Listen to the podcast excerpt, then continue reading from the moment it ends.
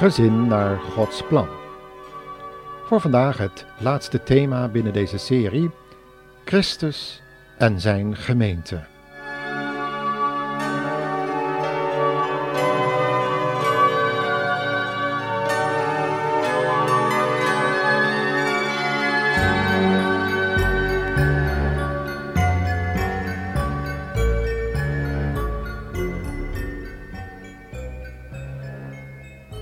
In deze laatste uitzending over huwelijk en gezin willen we samen met de luisteraar nu nadenken over de verhouding van Christus en zijn gemeente.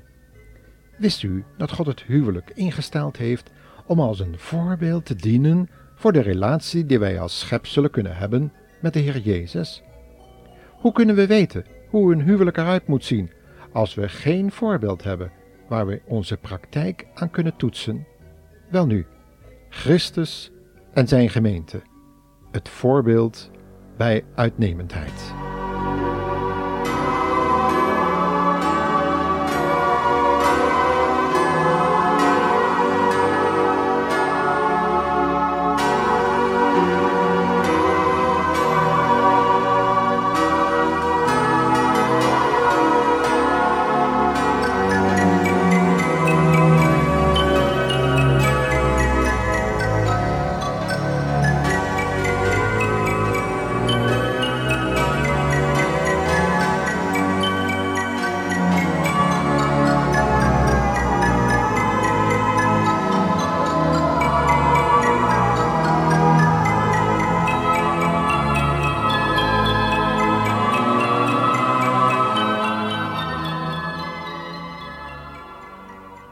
Wanneer een timmerman aan het werk is om iets moois te maken, gebruikt hij een duimstok of een meetlat om zijn product, wat hij aan het maken is, na te meten, te controleren.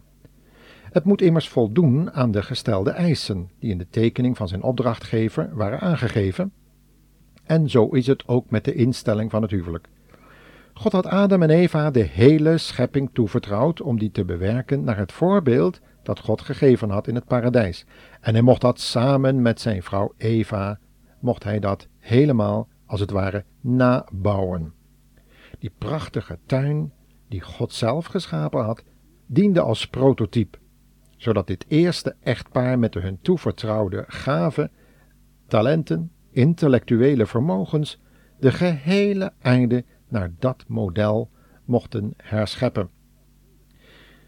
Dat de aarde woest en ledig was geworden, bleek het gevolg te zijn van een geweldige strijd en die er in de hemel gewoed had, in de tijd die er ligt tussen Genesis 1 en vers 1 en 2. Iets van die strijd moet de profeet Ezekiel gezien hebben in een visioen, toen hij in zijn 28ste hoofdstuk dat visioen opschreef. Maar het is duidelijk niet Gods bedoeling geweest dat de aarde woest en leeg zou blijven. De mensen die hij op aarde zette, kregen dan ook de opdracht om naar zijn plannen en gedachten deze aarde te helpen bouwen en bewaren, naar het voorbeeld dat God zelf gegeven had in het paradijs. Een geweldige opdracht. Maar wat is hiervan terechtgekomen? De Satan, eens een lichtdrager en heel belangrijke engelenvorst, is bij die eerste grondlegging van dat paradijs ook aanwezig geweest. En hij heeft helaas op listige wijze dat eerste mensenpaar verleid en hen gemanipuleerd met leugen, wantrouwen jegens God en allerlei bedrieglijke beloften, die de mens deden denken dat ze zich konden opwerpen tot een soort godheid die de schepper van zijn troon kan stoten en de mens daarop zetten.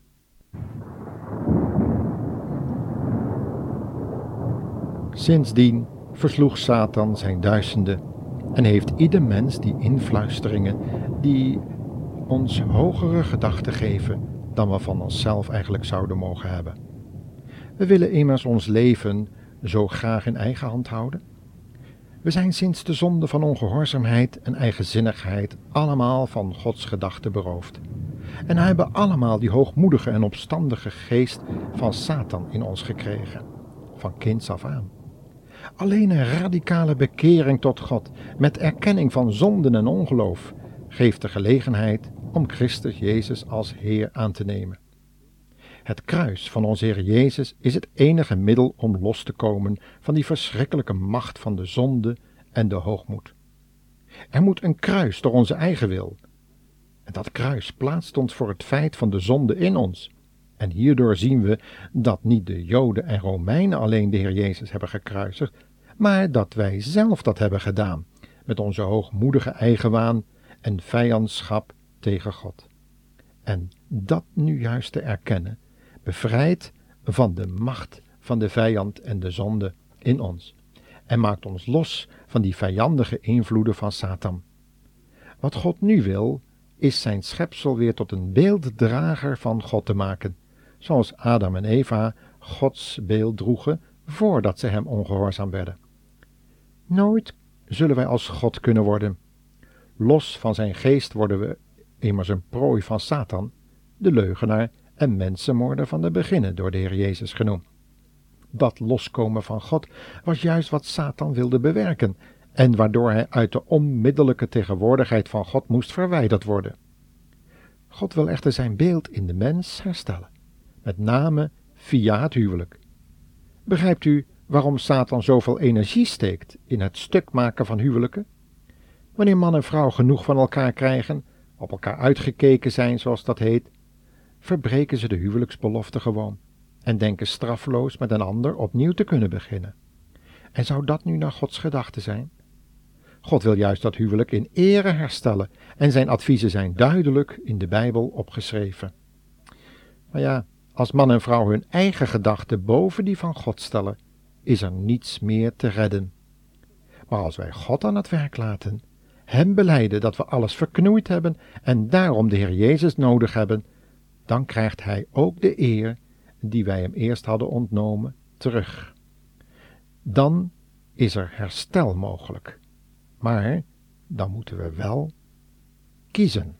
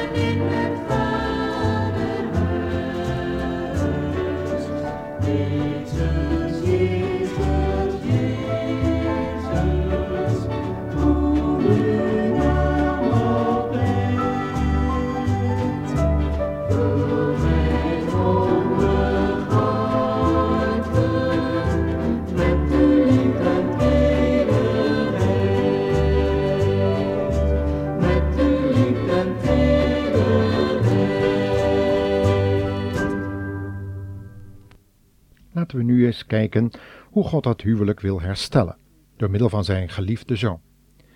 In Efeze 5, vers 25 en 26 staat een opdracht voor de mannen. Luister maar weer mee. Mannen, geef uw vrouw dezelfde liefde als Christus aan zijn gemeente gaf, toen hij zich volledig voor haar opofferde.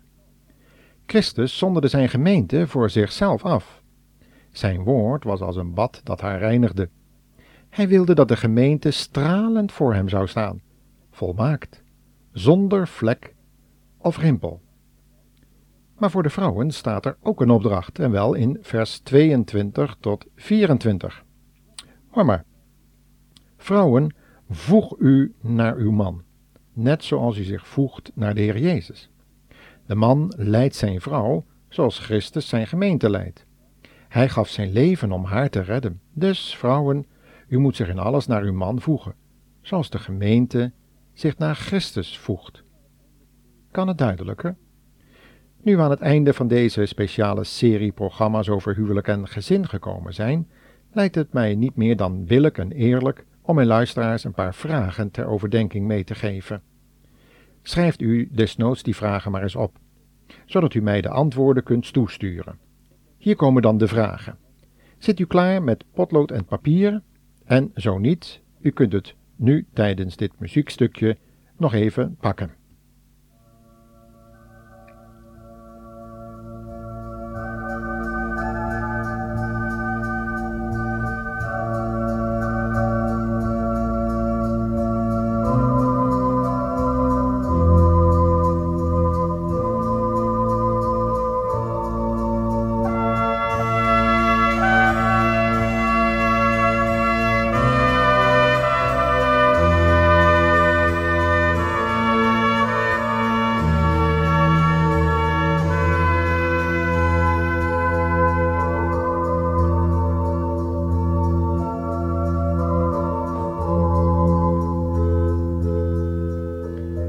Zo, u hebt inmiddels potlood en papier bij de hand en nu komt vraag 1.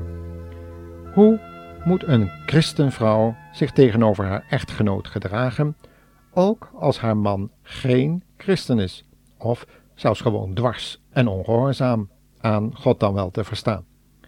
U kunt het antwoord lezen in 1 Petrus 3, vers 1 tot 6. En dan moet u beslist niet verder lezen, want dan gaat het over uw man. En daar hebt u weer niets mee te maken. U hebt u aan uw opdracht te houden. God zal wel voor die opdrachten van uw man zorg dragen. Dus even herhalen, hoe moet een christenvrouw, of mag beter gezegd een christenvrouw zich tegenover haar echtgenoot gedragen, opstellen, ook als deze zich als niet-christen of als een christen die er niet naar leeft, dwars en onbillijk of ongehoorzaam aan God is. En dan u, vraag 2, en dat gaat over de christenman. Hoe moet een christenman zich gedragen tegenover zijn echtgenote en welke waarde heeft de vergelijking met de liefde van Christus voor u, zoals Christus voor de gemeente heeft en voor u persoonlijk natuurlijk? Bij deze vraag hoort ook de gedachte aan verantwoordelijkheid, om er maar één vrouw op na te houden. Waarom denkt u en waarom heeft het woord zelfbeheersing bij met name mannen zo'n belangrijke inhoud voor God. Dus nog een keer de vraag: hoe moet een christenman zich gedragen tegenover zijn echtgenote? En welke waarde heeft de vergelijking met de liefde van Christus voor zijn gemeente voor u? Met als subvraag: waarom is het woord zelfbeheersing bij met name mannen van zo'n belangrijke waarde? U ziet wel wij mannen krijgen het zwaar te verduren bij zulke zwaarwichtige vragen. Maar als u ze goed beantwoord hebt en ook achter dat antwoord wil gaan staan, zult u een gelukkig huwelijksleven kennen. Luisteraar, kijk eens naar de wijze waarop de Heer Jezus al zijn verlosten lief heeft. Hoeveel geduld en liefdevol begrip hij heeft en hoeveel leiding hij geeft aan zijn gemeente. Buig uw knieën toch voor deze machtige heiland en dank Hem vanavond nog voor Zijn hulp, liefde en geduld die Hij u wil geven, als u het niet meer ziet zitten. Jezus komt spoedig. En bent u klaar om Hem te ontmoeten in de omstandigheden waarin u zich nu bevindt?